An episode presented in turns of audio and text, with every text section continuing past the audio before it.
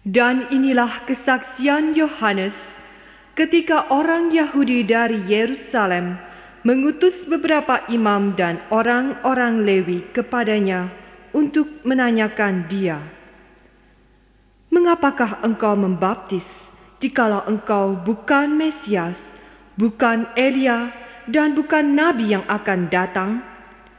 Yohanes menjawab mereka, katanya, Aku membaptis dengan air, tetapi di tengah-tengah kamu berdiri dia yang tidak kamu kenal, yaitu dia yang datang kemudian daripadaku. Membuka tali kasutnya pun aku tidak layak. Hal itu terjadi di Betania yang di seberang sungai Yordan, di mana Yohanes membaptis.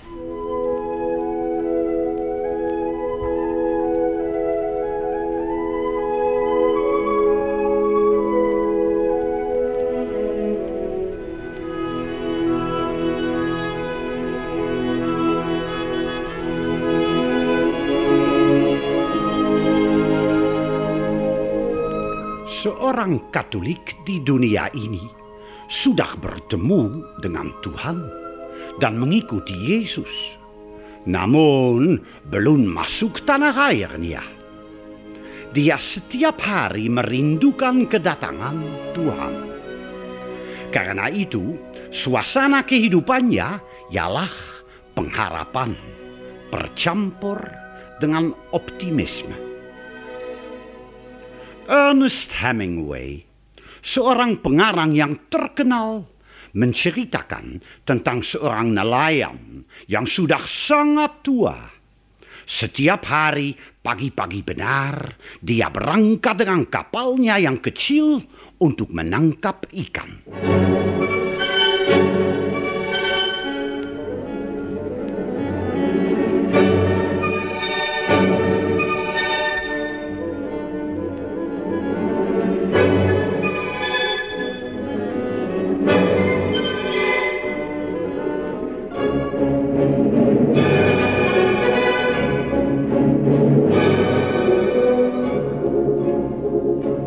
Dia berjuang melawan ombak-ombak samudera, angin ribut, dan setiap malam dia kembali dengan kapalnya yang kosong.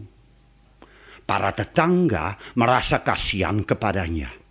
Tapi dia tak pernah putus asa. Katanya, Memang manusia dapat dihancurkan oleh laut. Tapi dia tak pernah boleh menyerah harus bertahan terus-menerus, karena tiap-tiap hari merupakan hari yang baru. Dan dia berangkat lagi penuh harapan. Akhirnya, pada suatu hari, dia menangkap seekor ikan yang sangat besar. Begitu besar sehingga tak dapat dimasukkan ke dalam perahunya. Karena itu, dia membungkusnya dengan jala-jalannya dan mengikatkan jala itu di sebelah kanan perahunya, kemudian pulang. Di pelabuhan, semua orang berbondong-bondong datang untuk melihat.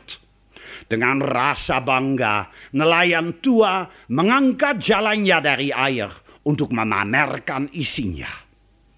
Tapi di dalam jalannya hanyalah terdapat tulang-tulang Rupanya waktu pulang seekor ikan yu memakan ikannya dan dia tidak melihatnya. Para tetangga memandang dia dengan mata yang berkaca-kaca, penuh kasihan. Tapi si nelayan tua sambil memegang tulang-tulangnya tersenyum. Katanya, Jangan sedih hati, sekarang saya siap. Tapi besok barangkali untung besar karena tiap-tiap hari merupakan hari yang baru. Itulah seorang manusia yang hidup dari harapan.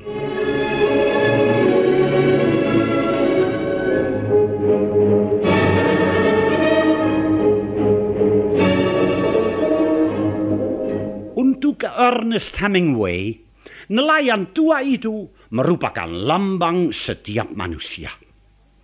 Kehidupan manusia merupakan perjuangan Dan kita harus berjuang dengan semangat, bertahan terus-menerus, tak pernah boleh menyerah. Di dalam kehidupan setiap manusia ada gunung dan lembah, kemenangan dan kekalahan, kebahagiaan dan kekecewaan. Suatu untung besar dalam bisnis, suatu perkawinan yang bahagia, suatu persahabatan yang bagus, bahkan kemenangan Indonesia dalam Thomas Cup. Semuanya itu hanyalah sementara. Dapat berubah lagi menjadi kegelapan. Tapi dari pihak lain, setiap malam penuh kegelapan menjadi awal hari yang baru. Jangan putus asa, setiap hari merupakan hari yang baru.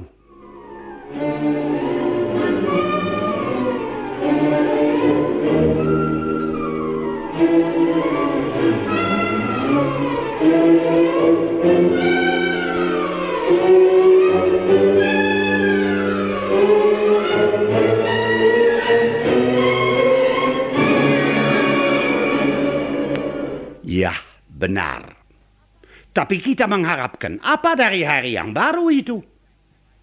Pendirian dari nelayan tua itu mengagumkan, bahkan mengharukan. Tapi pendirian semacam itu hanyalah mungkin kalau kehidupannya ada dasarnya yang tertentu. Kalau hidup kita hanyalah diatur oleh sebuah takdir buta, kalau hidup kita seperti kapal kecil yang terombang-ambing di bawah kian kemari oleh ombak besar samudera. Ya, kita harus mengharapkan apa daripadanya. Kita merasa tertipu, menjadi putus asa, merasa terlantar dan sendirian. Merasa sendirian. Itulah penyakit manusia modern. Karena kehidupannya tak berpedoman lagi. Mati-matian manusia itu mencoba untuk mengisi kekosongannya. Dia berpikir, Asal saya dapat hidup dengan banyak manusia di sekitarku, saya tak akan merasa sendirian lagi. Dan dia pindah ke kota besar. Tapi, apakah itu benar? Di tepi sebuah jalan raya di kota besar, sudah lama terlihat sebuah mobil kotor dan berdebu. Seorang anak kecil bermain dekat mobil itu, mengusap sedikit dari kotoran jendela dan mengintip ke dalam. Kemudian lari cepat ke rumahnya, berteriak, Mami, di sana ada sebuah mobil. Dan di dalamnya ada seorang yang tidur. Mami datang, membuka pintu mobil, dan melihat. Dengan kepala di atas setir, duduklah seorang manusia, pucat, dingin, mati. Seorang dokter dipanggil untuk memeriksanya. Katanya, dia sudah mati selama tiga hari. Dan Mami berpikir, Selama tiga hari, waktu pagi dan siang, beribu-ribu mobil melewatinya, tapi tak memperhatikannya. Selama tiga hari, sore dan malam, berjuta-juta lampu menyoroti wajah yang pucat itu. Tapi para penumpang tidak melihatnya, karena terlalu sibuk. Orang itu mati sendirian walaupun di sekitarnya ada beribu-ribu orang.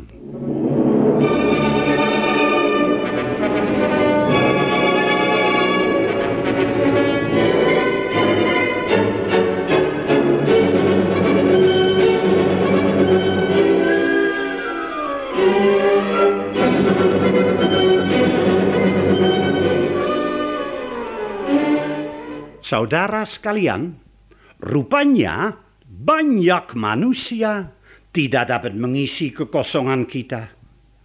Siapakah orangnya yang dapat memuaskan keinginan kita? Di mana dia yang dapat mengatur kehidupan kita sedemikian rupa sehingga setiap hari merupakan hari baru yang menggembirakan hati kita. Santo Yohanes Pembaptis memberi jawaban. Di tengah kamu berdirilah dia yang tidak kamu kenal. Yohanes mengenalnya. Dengan suara penuh rasa haru, dia menunjuk seorang pemuda di tepi sungai Yordan yang mempersiapkan diri untuk dipermandikan. Katanya, Itulah dia. Dia sudah datang. dan Yohanes menyembah Tuhan. Tuhan sudah datang, dan Yohanes mengenalnya. Saudara sekalian, kita tak pernah sendirian. Tuhan sudah datang dan hidup di antara kita. Tapi, apakah kita mengenalnya? Ini hanyalah mungkin kalau kita menantikan kedatangannya. Kalau kita hidup dengan harapan. Kalau begitu, dia pasti akan mendekati kita setiap hari lewat undangan-undangannya, panggilan-panggilannya, wakil-wakilnya.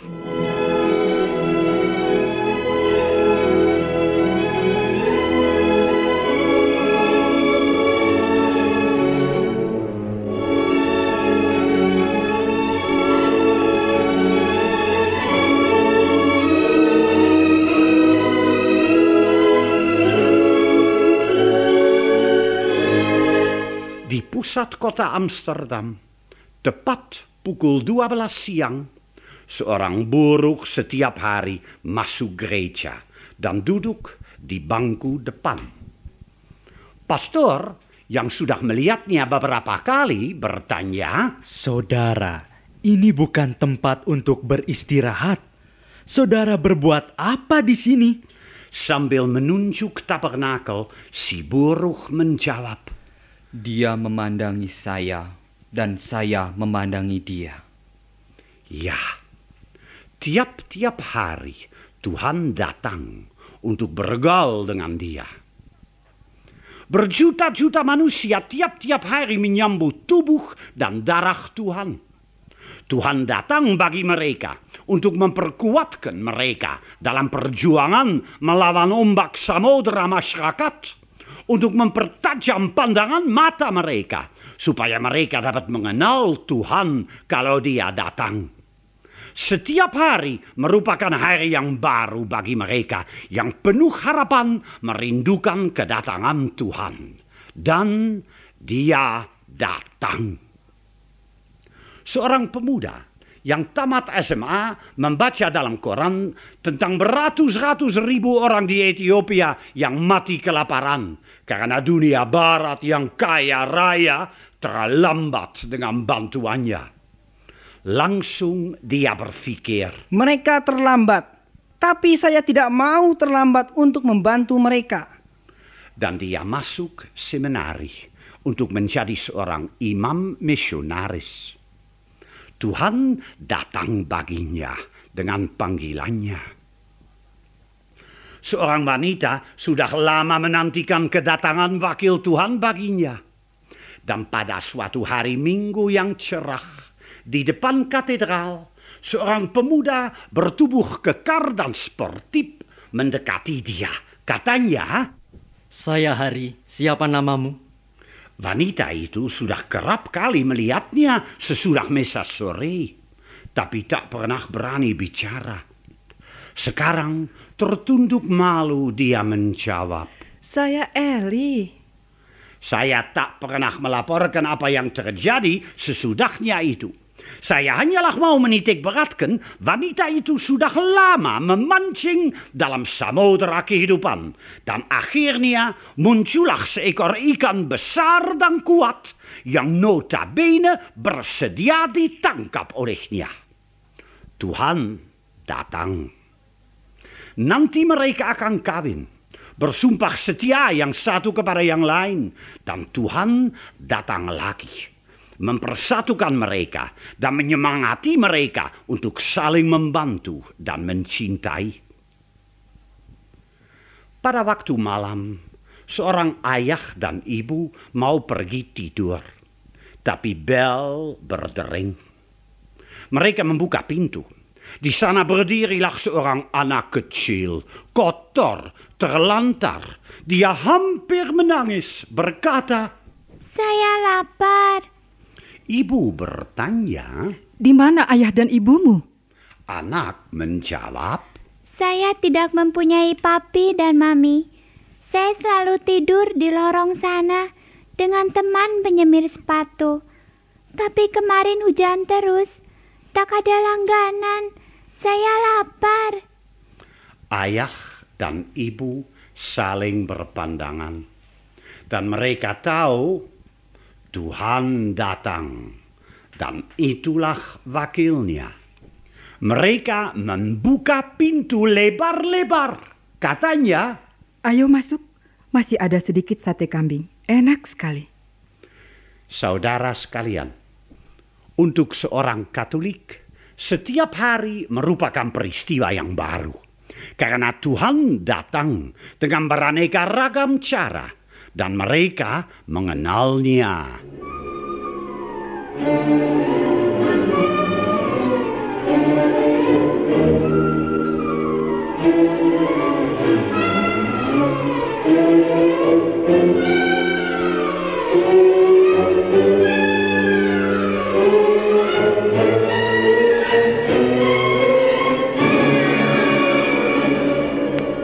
Pada tanggal 1 Juni 1961, Ernest Hemingway yang mengharukan kita dengan ceritanya tentang nelayan tua kembali dari klinik pemeriksaan. Dia melaporkan kepada istrinya, Saya sakit kanker. Tak bisa sembuh. mereka diam. Tuhan datang. Apakah dia akan mengenalnya? Pagi hari istrinya mendengar ledakan sebuah pistol dan dia bangun untuk melihat. Dia menemukan tubuh yang tak bernyawa dari suaminya tergeletak di kebun. Dia bunuh diri. Dia tidak tahan, tidak berjuang terus. Dia menyerah. Apakah Tuhan tak pernah datang baginya? Oh, pasti. Tiap-tiap hari. Tapi dia tidak mengenalnya. Dia tak beragama. Kasihan. Saudara sekalian, marilah kita berterima kasih kepada Tuhan karena dasar kokoh yang kita terima daripadanya. Karena agama kita yang memberi arti kepada apa pun saja yang kita alami.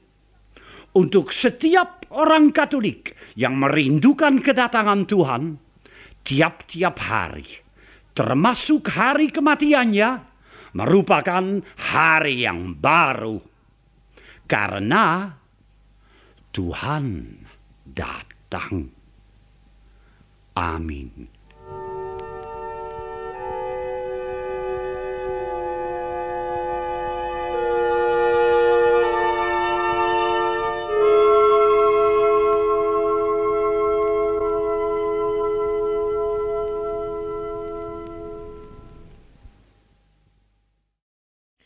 Seorang dari penjahat yang digantung itu menghujat dia. Katanya, Bukankah engkau adalah Kristus? Selamatkanlah dirimu dan kami. Tetapi yang seorang menegur dia, katanya, Tidakkah engkau takut juga tidak kepada Allah, sedang engkau menerima hukuman yang sama? Kita memang selayaknya dihukum, sebab kita menerima balasan yang setimpal dengan perbuatan kita. Tetapi orang ini tak berbuat sesuatu yang salah. Lalu ia berkata, Yesus, ingatlah akan aku apabila engkau datang sebagai Raja. Kata Yesus kepadanya, Aku berkata kepadamu, sesungguhnya hari ini juga engkau akan ada bersama-sama dengan aku di dalam Firdaus.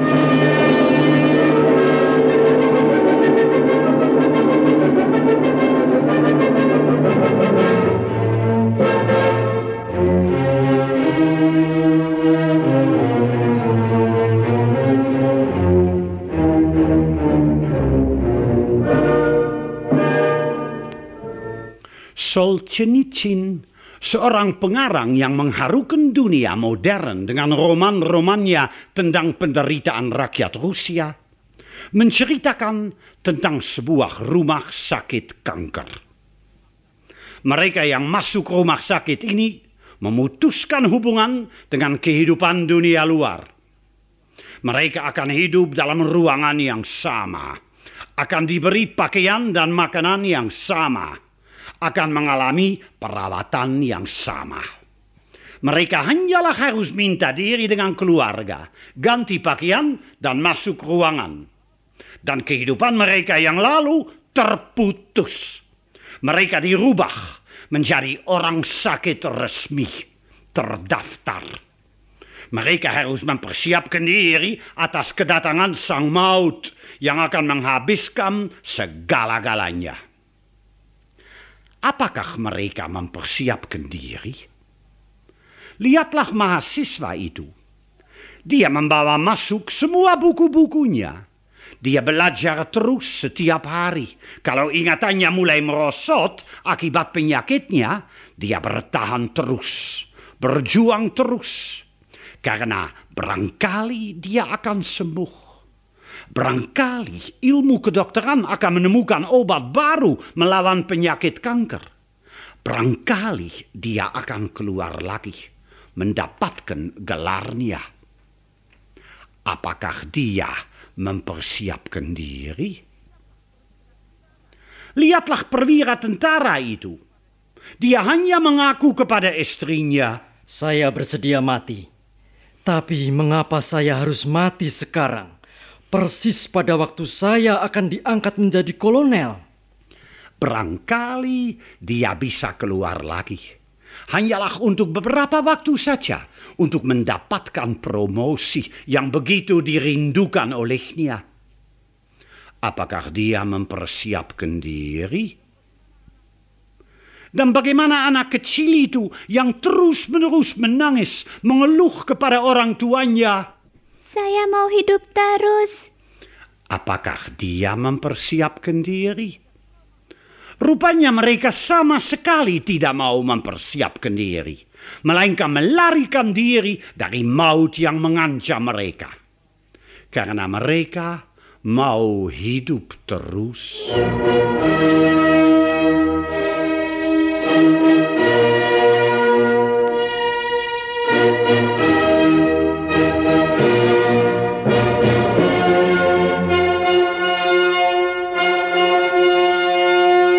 Bagaimana kita dapat hidup terus kalau kedatangan maut tak dapat dielakkan? Yohanes Pemandi memberi jawaban. Dia tidak berbicara tentang kedatangan sang maut, melainkan dia menyaksikan Tuhan akan datang. Dan kita harus mempersiapkan diri untuk menyambut kedatangannya. Untuk itu, setiap hari kita terus melepaskan diri dari diri kita sendiri. Dan setiap hari memperhatikan dan menyambut wakil-wakil Tuhan dalam kehidupan kita. Keluarga kita, anak-anak kita, kawan-kawan sekantor, atau lebih-lebih mereka yang membutuhkan bantuan kita, orang sakit dan miskin, mereka yang dihina, mereka yang menjadi korban dari masyarakat yang korup dan egois. Akhirnya Tuhan tidak mempergunakan wakil-wakil lagi. Dia datang sendiri. Apakah kita pada waktu itu siap sedia? Kita sudah menjadi apa dalam kehidupan kita? Gandum atau debu jerami? Tuhan akan mengumpulkan gandum dalam lumbungnya, tapi debu jerami akan dibakar dalam api yang tak terpadamkan. Dari semuanya itu, kita harus menarik suatu kesimpulan yang dengan sungguh-sungguh menggembirakan hati kita. Yalah, maut tidak mengakhiri segala-galanya, melainkan membuka jalan untuk Tuhan yang datang. Syukur kita tidak hidup dengan percuma. Kematian kita ada artinya.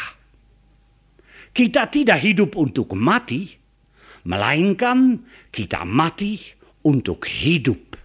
Hidup bersama Tuhan.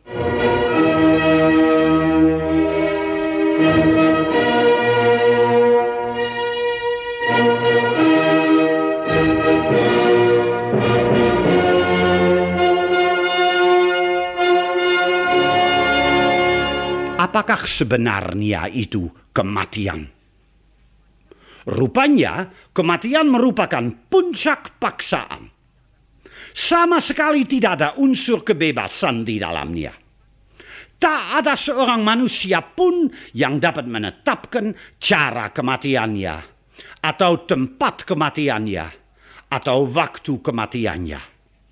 Dalam semua hal ini kita ditetapkan. Kita tak dapat mengurus kematian kita, melainkan kita menanggungnya. Seorang pengarang Perancis modern mengeluh Seumpama saya dapat menghadiri kematian saya sendiri, saya dapat mengurusnya atau mengaturnya secara bebas. Tapi ini tidak mungkin. Saya hanya dapat menghadiri kematian orang lain. Beberapa waktu yang lalu di negara Kolombia, 25 ribu orang tewas karena sebuah gunung berapi yang meletus. Mereka mati tenggelam dalam lumpur panas. Mereka tak dapat melepaskan diri dengan berenang. Lumpur terlalu kental. Mereka tenggelam dalam lumpur itu yang akhirnya masuk ke dalam mulut dan lubang hidung sehingga mereka mati lemas. Siapa berani mempertahankan bahwa mereka bebas untuk mengurus kematian mereka sendiri? Rupanya, untuk setiap manusia, kematian merupakan suatu takdir yang mengerikan, lain tidak.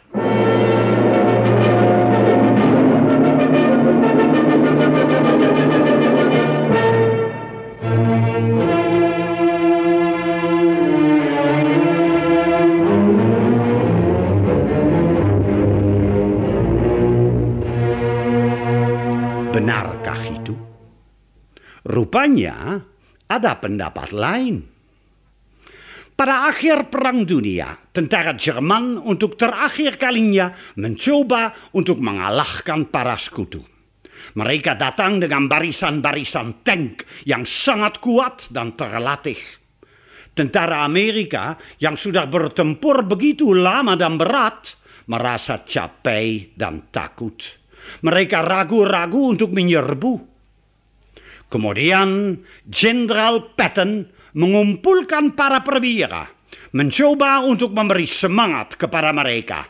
Katanya, Saudara harus memandang pertempuran ini sebagai seorang Katolik yang memandang kematian. Sebab menurut mereka, apa yang terjadi sesudah kematian itu begitu menggemparkan.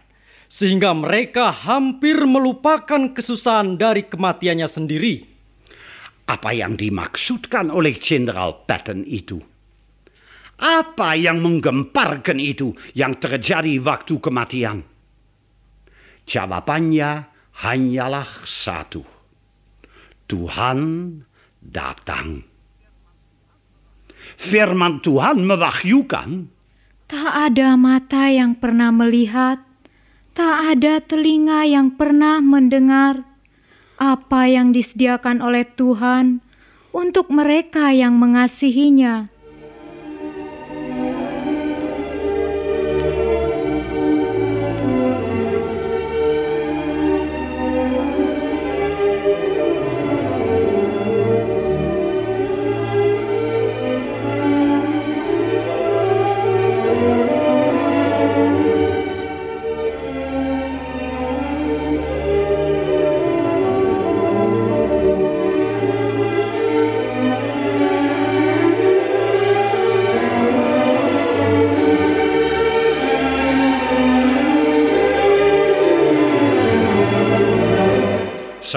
Sekalian, lihatlah bagaimana Yesus wafat.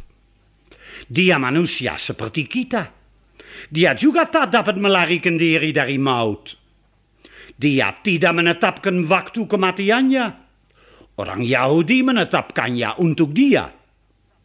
Dia juga tak dapat menetapkan tempat dan cara kematiannya. Ini diatur oleh Pilatus. Dia menetapkan tempatnya. Golgotha. Dia mengatur caranya. Salib. Tapi dengarlah sabda yang terakhir dari Yesus. Bapakku, ke dalam tanganmu kuserahkan jiwaku. Saudara, dengarlah dengan baik-baik. Yesus mengalami segala kepahitan dari kematian. Tapi pada akhirnya dia tidak mengeluh saya harus mati, melainkan saya menyerahkan jiwaku. Yesus secara bebas memberi arti kepada kematiannya. Korban. Dan Allah Bapa menerima korban putranya yang menebus dunia dan membangkitkan dia.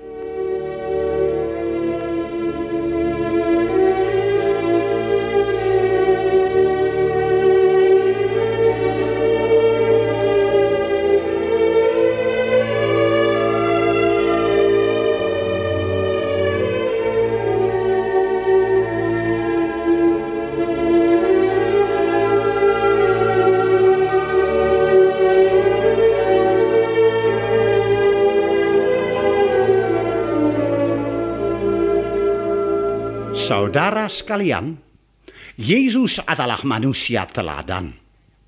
Apa saja yang dialami olehnya akan kita alami juga. Seperti dia, kita tidak bebas untuk menetapkan waktu, tempat, atau cara kematian kita. Tapi kita bebas untuk memberi arti kepadanya. Nah, apakah arti kematian untuk kita? Suatu malapetaka yang mengerikan, yang menghabiskan segala-galanya. Kalau demikian, kehidupan kita diatur oleh suatu takdir yang buta. Kita hidup dengan percuma. Atau suatu korban yang kita persembahkan kepada Tuhan untuk menyelamatkan diri kita atau masyarakat di sekitar kita. Kalau demikian, kematian kita merupakan loncatan ke dalam keabadian. Tuhan datang. Di Gunung Kalpari, di samping Yesus, tergantunglah dua orang pembunuh. Yang satu berkata kepada Yesus, Kalau engkau putra Allah, bebaskanlah kita dari nasib yang mengerikan ini.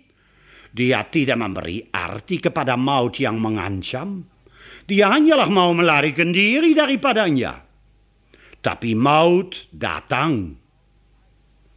Yang lain berdoa, Kami mendapat hukuman setimpal dengan perbuatan kami. Ya Tuhan, ingatlah akan daku, kalau engkau nanti kelak datang sebagai Raja. Dia memberi arti kepada maut yang mengancam dia. Korban dosa-dosanya ditebus. Tuhan datang. Tapi kita sekalian hanya dapat berbuat itu kalau kita selama kehidupan kita melatih diri untuk mati. Jangan takut, ini tidak begitu sukar. Sejak kita lahir, kita sudah mulai mati. Karena tiap-tiap hari kita hidup berkurang satu hari makin lama maut semakin mendekat. Seorang manusia yang insyaf akan hal ini mempersiapkan diri, bermati raga dan berkorban, supaya nanti kelak dia dapat mati dan mengorbankan diri dengan seluruhnya. Dia tidak takut atau putus asa, karena dia tahu Tuhan datang.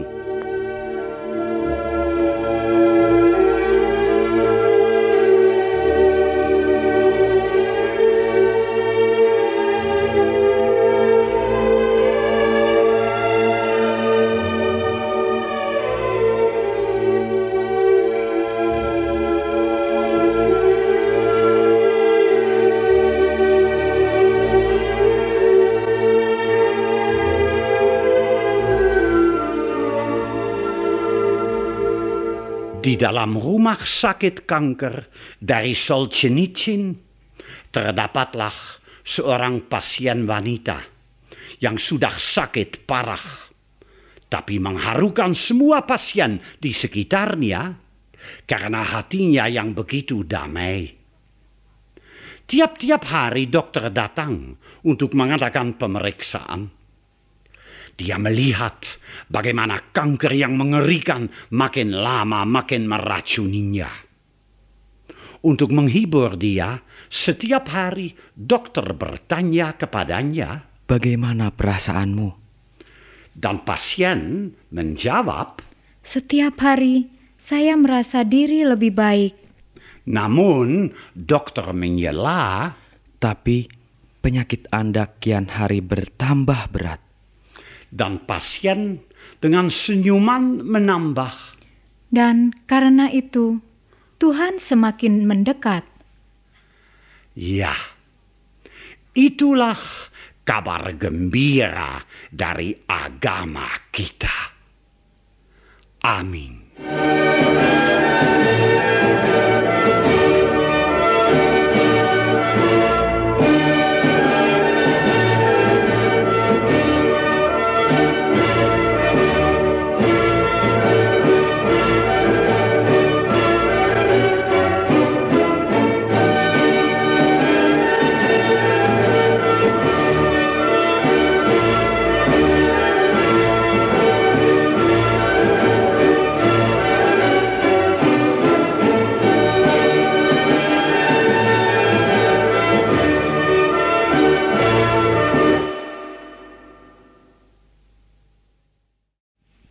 Di antara mereka yang berangkat untuk beribadah pada hari raya itu, terdapat beberapa orang Yunani. Orang-orang itu pergi kepada Filipus yang berasal dari Betsaida di Galilea, lalu berkata kepadanya, Tuan, kami ingin bertemu dengan Yesus. Filipus pergi memberitahukannya kepada Andreas.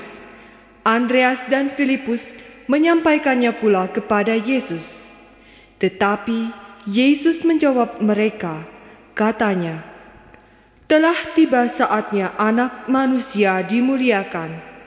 Aku berkata kepadamu, sesungguhnya jikalau biji gandum tidak jatuh ke dalam tanah dan mati, ia tetap satu biji saja.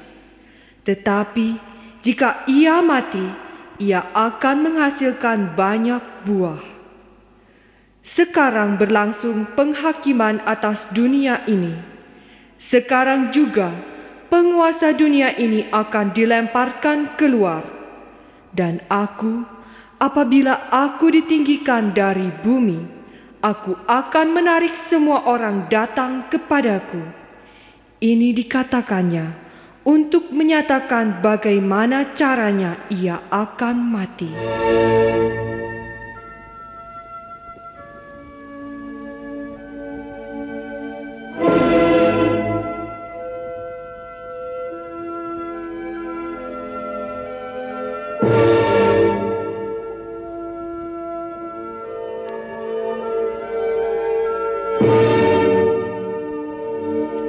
Seperti orang Yunani dari Injil tadi, kita juga kadang-kadang berpikir, saya mau bertemu dengan Yesus.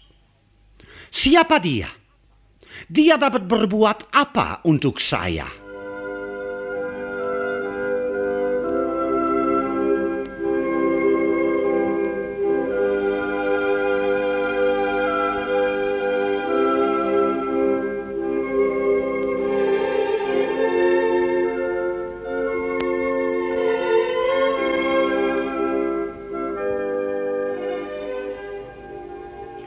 Seorang ahli sejarah Inggris, H.G. Wells, pernah mengaku, saya seorang ahli sejarah.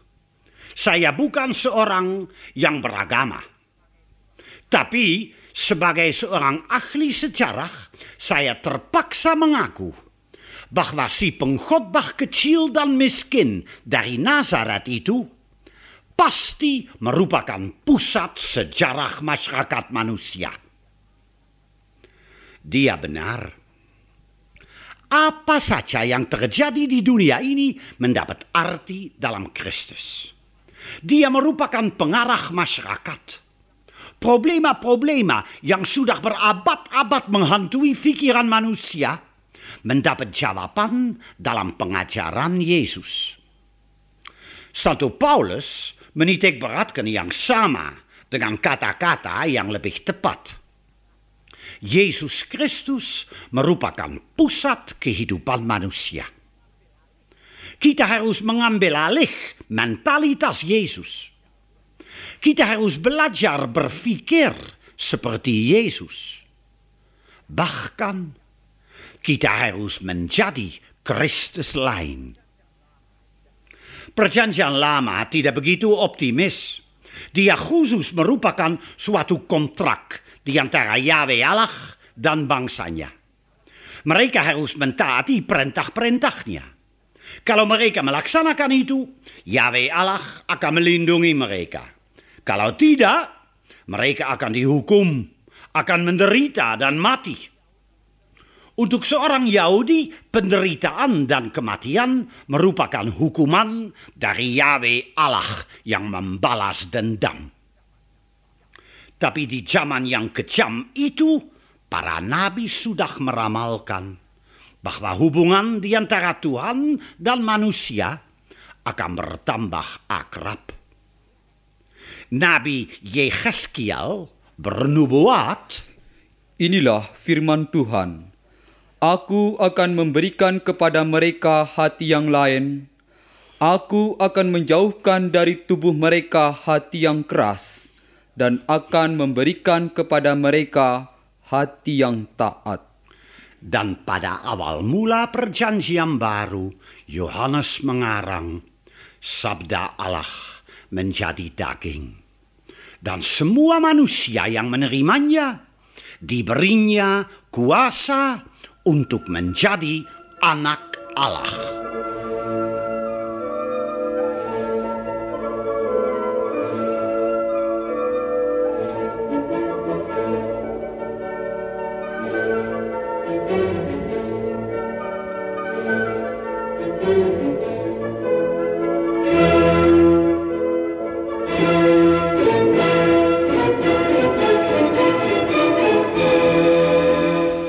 Saudara sekalian, kehidupan seorang anak merupakan lanjutan dari kehidupan orang tuanya. Karena itu, dia mirip orang tuanya. Menjadi anak Allah berarti mirip Bapa kita yang ada di surga. Yesus Kristus mirip Bapaknya. Di dalam Yesus kita dapat melihat bagaimana Bapa Allah bergaul dengan anak-anaknya bagaimana dia mencintai, bagaimana dia bergembira dan menangis. Dalam sakramen permandian, seorang manusia diangkat menjadi anak Allah.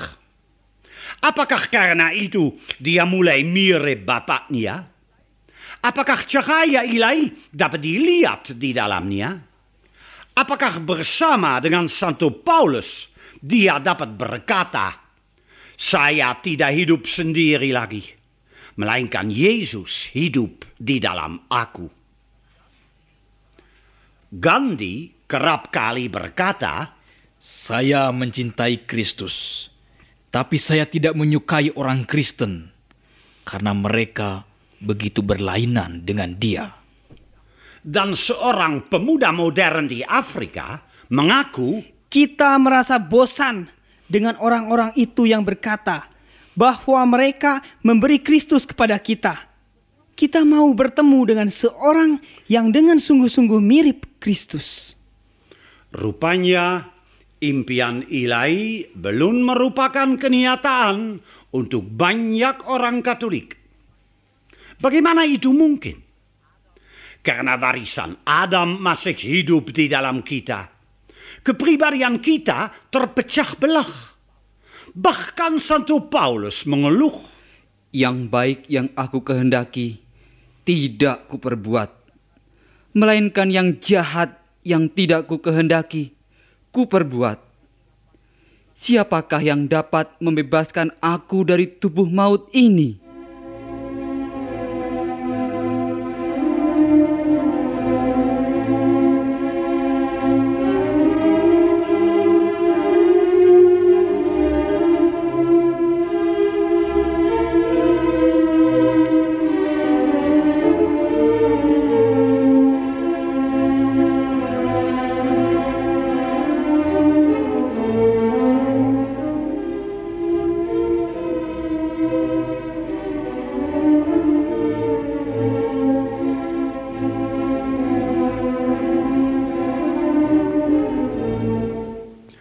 Bulan Januari 1968, Philip Bleiberg merupakan manusia pertama yang menerima jantung baru dengan transplantasi. Selama satu tahun, seluruh tubuhnya, dari otaknya sampai sel yang paling kecil, melawan jantung baru itu, yang sebenarnya harus menyelamatkannya. Akhirnya dia meninggal. Begitu juga kehidupan Adam yang menodai pribadi kita akan melawan benih ilahi yang ditaburkan Allah dalam hati kita. Meskipun hidup baru itu sebenarnya harus menyelamatkan kita. Dan perlawanan itu akan berlangsung terus selama kehidupan kita. Ya benar, kehidupan kita merupakan suatu perjuangan. Dan perjuangan itu berarti kegelapan, mati raga, penderitaan. Itulah salib yang kita panggul. Yesus tidak mau bahwa kita menderita. Tapi segala-galanya yang busuk dalam hati kita memberontak melawan kehidupan ilahi yang mau merubah dan memurnikan kita. Dengan begitu, setiap manusia menjadi salib. Dua palang yang saling berlawanan. Yang satu yang berdiri merindukan Allah. Yang lain mendatar, mencoba untuk melekatkan kita pada dunia yang fana ini. Jangan mau belarikan diri dari salib karena saudara merupakan salib. Salib kita dikuduskan oleh putra Allah yang menjadi manusia dan menderita dan mati pada salibnya seperti kita. Dan berkat korbannya kita mendapat semangat untuk berjuang terus sampai kita menjadi seperti dia, anak Allah yang mirip bapaknya. Di sini kita melihat dengan jelas sekali bahwa Kristus merupakan inti masyarakat manusia. Agama Kristus merupakan satu-satunya agama yang dapat menjawab pertanyaan yang paling mengganggu umat manusia. Mengapa saya harus menderita? Agama Katolik tidak menghilangkan penderitaan Tak ada seorang Katolik pun yang dapat berkata, Sejak saya dipermandikan, saya tidak sakit malaria lagi.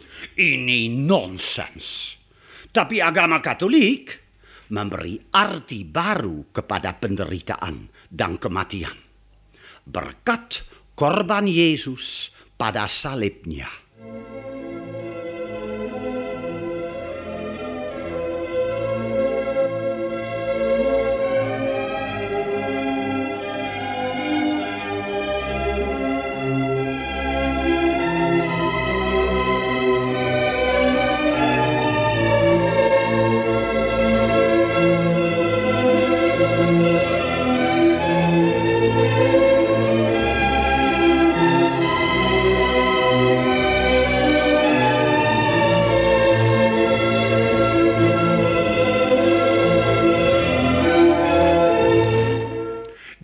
Sebuah biara di negeri Swiss, terbaringlah di tempat tidurnya seorang pemuda yang kaya raya, liberal, dan dangkal. Bersama dengan kawan-kawannya, dia mencoba mendaki sebuah gunung yang tinggi, tapi talinya putus, dan dia jatuh ke dalam sebuah jurang. Karena di sana tak ada sebuah rumah sakit, dia dibawa ke biara itu. Seorang biarawan yang mendapat gelar kedokteran memeriksanya. Si sakit bertanya, Dokter, kapan saya dapat bangun lagi? Dokter memandanginya, bertanya, Apakah saudara bersedia menghadapi kebenaran? Memang, dokter. Kapan saya dapat bangun lagi? Tak pernah. Tak pernah. Tak pernah. Tulang punggung saudara mendapat luka yang berat. Saudara dapat terus hidup, tapi harus duduk di sebuah kursi roda. Ada gunanya bagi saudara malam ini untuk mencoba menyesuaikan diri dengan keadaan baru ini. Dokter pergi. Seorang teman datang untuk menghibur dia. Si sakit bertanya, Mengapa saya harus menderita ini? Temannya, seorang ateis, menjawab, Apakah engkau percaya akan Allah yang dulu menciptakan engkau, kemudian menghancurkan engkau begini?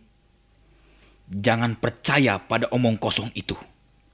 Ambillah ini ini dapat merupakan jalan keluar bagimu. Dia menaruh sebuah pistol di atas tempat tidur dan pergi. Dan si sakit menangis. Dia tidak mendapat jawaban. Sepanjang malam dia berjuang dengan dirinya sendiri. Tidak melihat jalan keluar. Akhirnya dia mengambil pistol.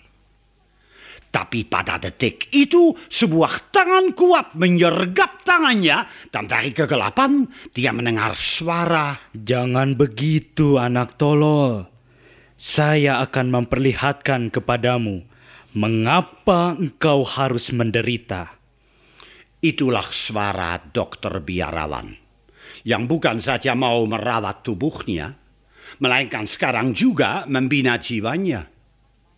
Dalam kegelapan malam, dia mengantarkan pemuda itu yang terbaring di tempat tidurnya masuk kapel biara yang gelap.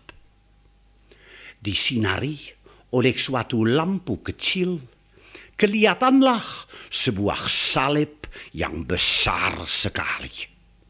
Dan dokter berkata, Itulah putra Allah yang menjadi manusia. Dia menderita juga semua manusia harus menderita karena penderitaan menyelamatkan. Kita semua harus mati seperti dia untuk hidup bersama dia. Si sakit menjawab, Tapi dia putra Allah. Dia tidak perlu diselamatkan. Dia menderita untukmu supaya engkau berjuang terus dan menang. Dan dia mulai memberi penjelasan.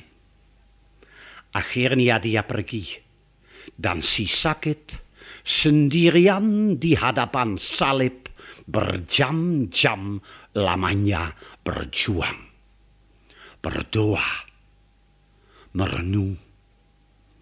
Akhirnya dia menyerah. Dia mendapat jawaban atas pertanyaannya.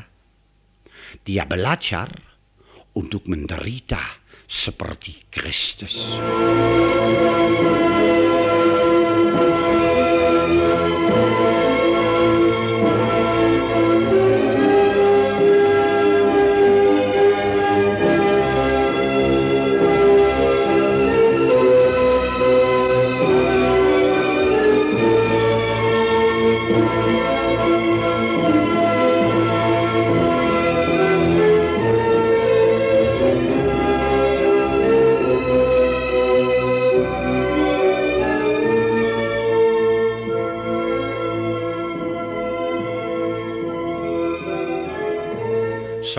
Sekalian, di antara beratus-ratus lukisan dari Salvador Dali, seorang seniman yang genial, terdapatlah lukisan Yesus tergantung pada salibnya. Tapi salib itu tidak berdiri di Gunung Kalpari, melainkan tergantung di atas dunia. Suatu salib raksasa yang seakan-akan menaungi seluruh dunia. Sehingga semua manusia dapat melihat Yesus dan menetapkan pendirian mereka terhadap salibnya. Yesus bersabda, Apabila aku ditinggikan dari bumi, aku akan menarik semua orang kepadaku. Bersediakah kita ditarik olehnya? Menderita dan mati bersama dia? Biji gandum harus mati untuk menghasilkan buah. Dan kita semua merupakan biji gandum itu. Amin.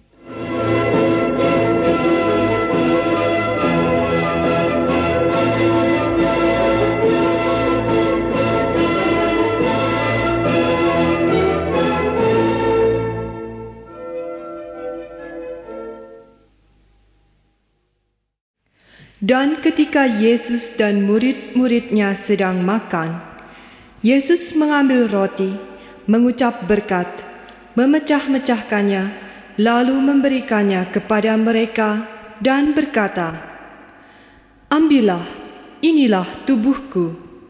Sesudah itu, ia mengambil cawan, mengucap syukur, lalu memberikannya kepada mereka, dan mereka semuanya minum dari cawan itu.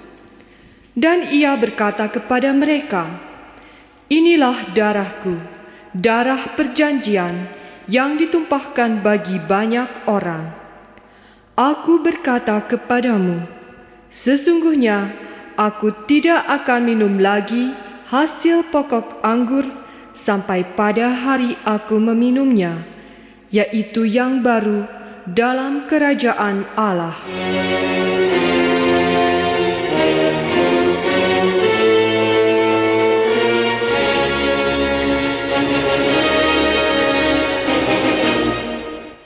Pada malam sebelum menderita, Yesus merayakan Paskah bersama murid-muridnya.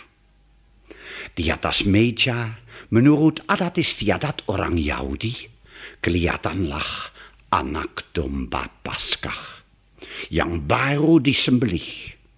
Dan Yesus berpikir, itulah lambang, dialah kenyataan. Dan dia ingat, ingat sebuah peristiwa yang terjadi berabad-abad yang lalu.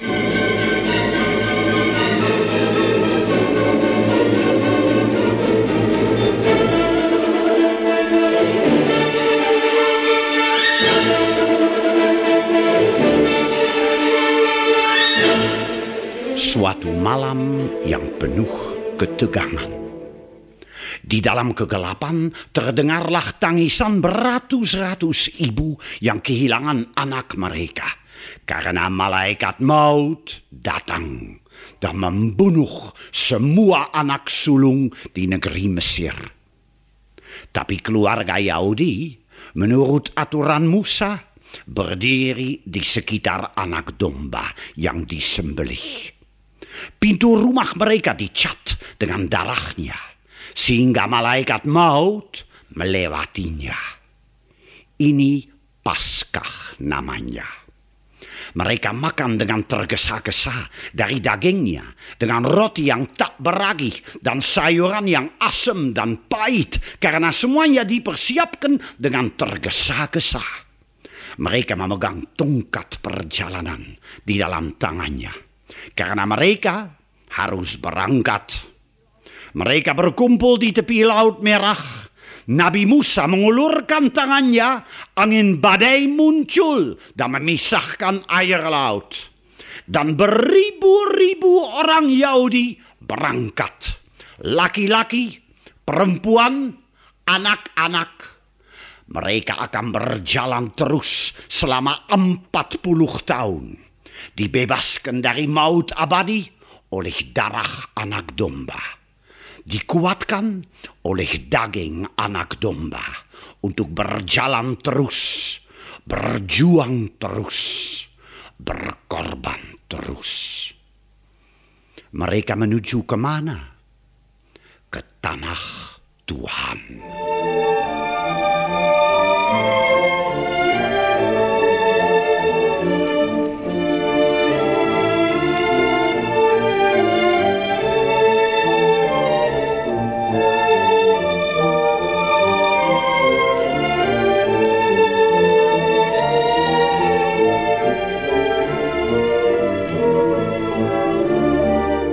Ya, pada malam itu Yesus berdiri di antara lambang-lambang zaman dulu dan kenyataan yang datang sekarang. Di antara perjanjian lama dan perjanjian baru.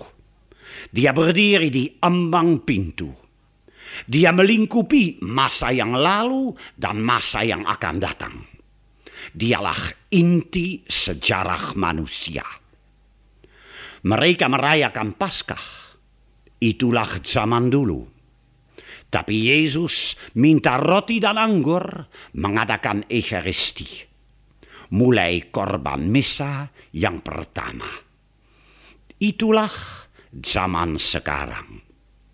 Yesus sendiri menjadi makanan para musafir.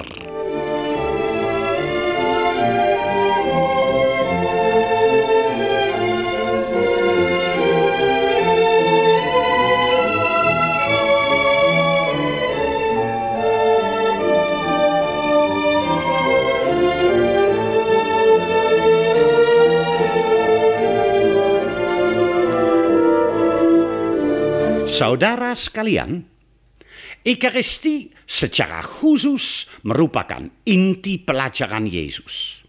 Dan karena itu begitu penting sehingga Tuhan berabad-abad lamanya mempersiapkan manusia untuk memahami artinya. Lihatlah orang Yahudi.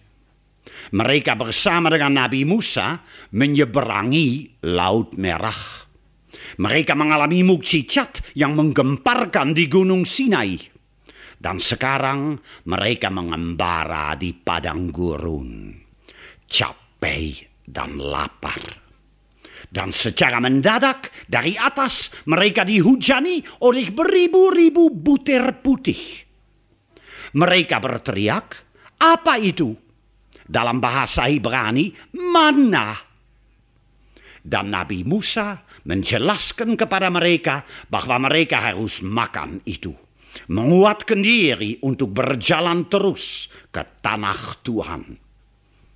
Hujan mana hanyalah terjadi di mana bangsa terpilih berada. Di daerah Filistin atau Amori tidak ada mana. Apalagi tiap-tiap hari mana harus dihabiskan tidak boleh disimpan untuk hari yang berikut. Orang Yahudi harus belajar percaya kepada Tuhan. Jangan takut, besok ada mana lagi. Tuhan tak akan meninggalkan kamu. Ya benar, mana adalah makanan untuk para musafir. Waktu Yesus mengembara di tanah suci, dia beberapa kali melipat gandakan roti. Tapi dia hanyalah berbuat itu untuk mereka yang mau mengikutinya. Kalau mereka kenyang, sisa-sisa tidak boleh dibawa pulang untuk disimpan. Melainkan harus diberikan kepada mereka yang belum makan. Makanan dari Yesus itu juga untuk para musafir mereka yang bersama Yesus mengembara dan berjalan ke arah tanah Tuhan. Mereka yang sudah makan menjadi begitu gembira sehingga mereka mau mengangkat Yesus menjadi raja. Tapi pada waktu itu Yesus mengalihkan perhatian mereka kepada roti lain. Dia berkata, kamu mencari aku karena kamu makan dari roti dan merasa kenyang. Bekerjalah bukan untuk makanan yang dapat binasa, melainkan untuk makanan yang tahan sampai hidup yang kekal. Akulah roti yang turun dari surga. Jikalau kamu akan makan dari roti itu, kamu akan hidup selama-lamanya. Dan roti yang akan kuberikan kepadamu, ialah dagingku, yang akan kuberikan kepadamu untuk hidup dunia. Saudara sekalian, tak pernah Yesus berjanji datangnya Ekaristi dengan begitu jelas. Pada perjamuan suci, Yesus memenuhi janji itu. Tapi ini juga merupakan makanan untuk pengikut Yesus saja. Sisa-sisanya juga tidak boleh dibawa pulang kecuali untuk orang yang membutuhkannya, misalnya untuk orang sakit atau lumpuh. Sesudah komuni dibagi-bagikan, imam memakan sisa-sisanya atau mereka disimpan ke dalam tabernakel. Arti tabernakel ialah kemah. Sebuah kemah selalu dapat dipindahkan ke tempat lain. Merupakan tempat penginapan untuk para musafir. Demikian makanan Yesus untuk para musafir disimpan dalam tempat para musafir. Ialah tabernakel. Maaf sekali saudara sekalian. Gereja kita begitu mewah dan tabernakel begitu berharga sehingga corak musafir hampir tak dapat dilihat lagi. Kalau saudara mau menghayatinya, harus hadir pada mesa lingkungan. Di sana, sambil duduk di lantai di dalam sebuah kamar yang sempit dan panas, di sekitar sebuah meja sederhana, para musafir dari paroki ini menguatkan diri dengan tubuh dan darah Yesus untuk mengembara terus, berjalan terus, berjuang terus menuju ke tanah Tuhan.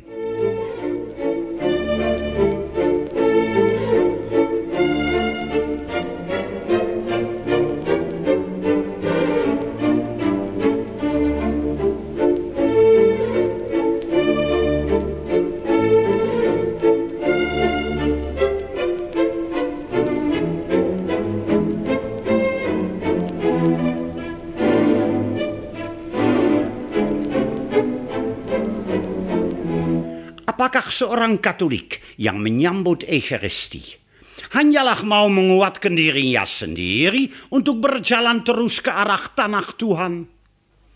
Ini pasti merupakan egoisme religius. Kita menyambut tubuh Yesus yang dikorbankan. Dengan itu, kita juga diperkuatkan untuk berkorban bagi orang lain, untuk memberi. Memberi.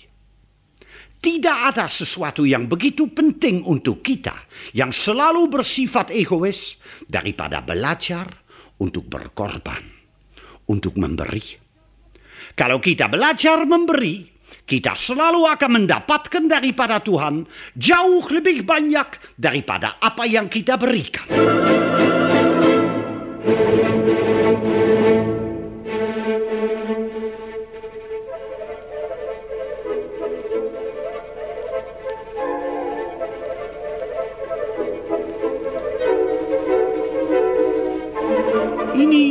Ini dialami oleh seorang anak kecil yang disebut oleh Yohanes dalam ceritanya tentang Yesus yang melipat gandakan roti. Marilah kita menghayalkan sebentar tentang anak itu. Pagi-pagi benar, ibu berkata kepadanya, Pergilah ke pasar dan belilah lima roti jelai dan dua ikan. Hati-hati ya, bukan dua roti jelai dan lima ikan. Hmm? Ini uangnya.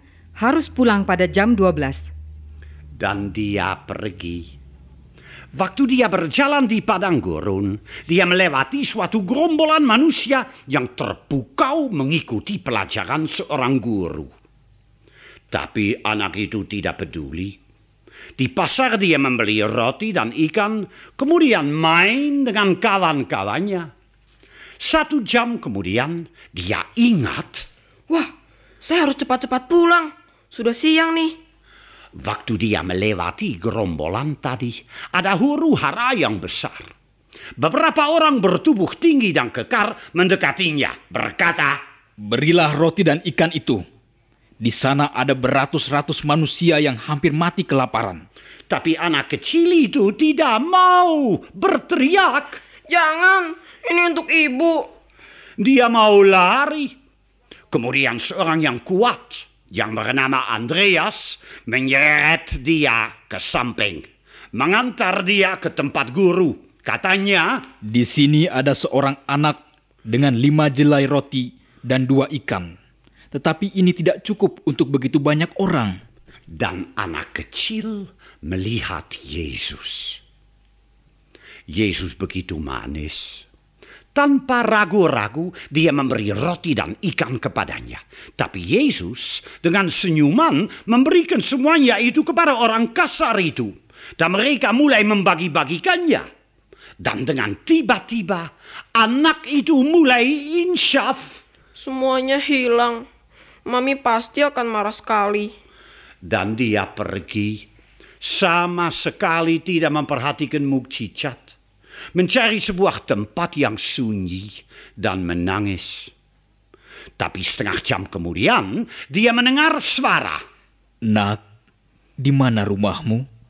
Dia mengangkat kepala melihat dua belas orang kuat yang tadi. Dan setiap orang memikul sebuah bakul penuh dengan roti dan ikan. Anak itu terkejut berdiri dan mereka berangkat. Anak kecil itu mendahului mereka untuk menunjukkan jalan. Kemudian sambil berbaris para rasul membawa dua belas bakul penuh dengan sisa-sisa roti dan ikan. Ibu yang sudah berdiri di ambang pintu berteriak, Wah, ini terlalu banyak. tapi Andreas sambil tersenyum menjawab, Ibu, dia memberikan semuanya kepada Yesus. Dan seperti biasa, Yesus memberi kembali jauh lebih banyak. Selamat makan dan selamat berpesta.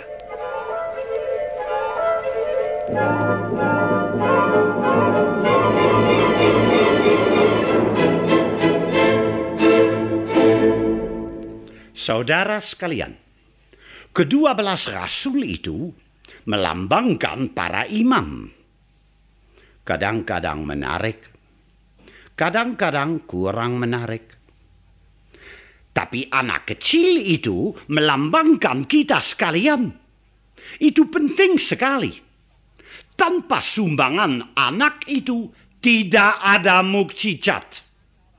Tanpa sumbangan kita dalam gereja, tidak ada mesa. Beranikah kita memberi yang kita sukai kepada Tuhan? Inilah inti agama kita bukan? Berkorban. Dan Yesus memberi tubuhnya dan darahnya kepada kita untuk menyemangati kita sehingga kita berani berkorban. Boleh menangis sedikit seperti anak kecil asal memberi seorang ayah bekerja keras sehingga istri dan anak-anaknya dapat hidup tanpa susah. Dia merasa bangga. Tapi tiba-tiba dalam resesi dia jatuh bangkrut. Apakah dia akan memberontak atau menyerah kepada Tuhan? Dia membutuhkan tubuh dan darah Tuhan untuk berkorban. Seorang ibu melahirkan anaknya dengan banyak susah payah dan mendidiknya dengan banyak pengorbanan. Tapi anak itu meninggal. Apakah dia akan memberontak atau menyerah? Dia membutuhkan tubuh yang dikorbankan dan darah yang ditumpahkan. Dan pada akhirnya kita sekalian akan dipanggil untuk mengorbankan segala-galanya. Milik kita, tubuh kita dan jiwa kita. Dan dengan penuh rasa takut kita berdoa. Tuhan, jangan tinggalkan aku. Dan untuk terakhir kalinya imam datang untuk memberi tubuh dan darah Tuhan kepada kita. Kemudian Yesus datang bercahaya. Katanya, ayo masuk ke dalam kehidupan kekal. Dan kita berteriak, Oh Tuhan, Engkau jauh lebih indah daripada apa yang kita nanti-nantikan. Ini akhir perjalanan kita. Ya, benar. Kalau berani memberi kepada Tuhan, dia selalu memberi kembali lebih banyak. Yalah surga. Amin.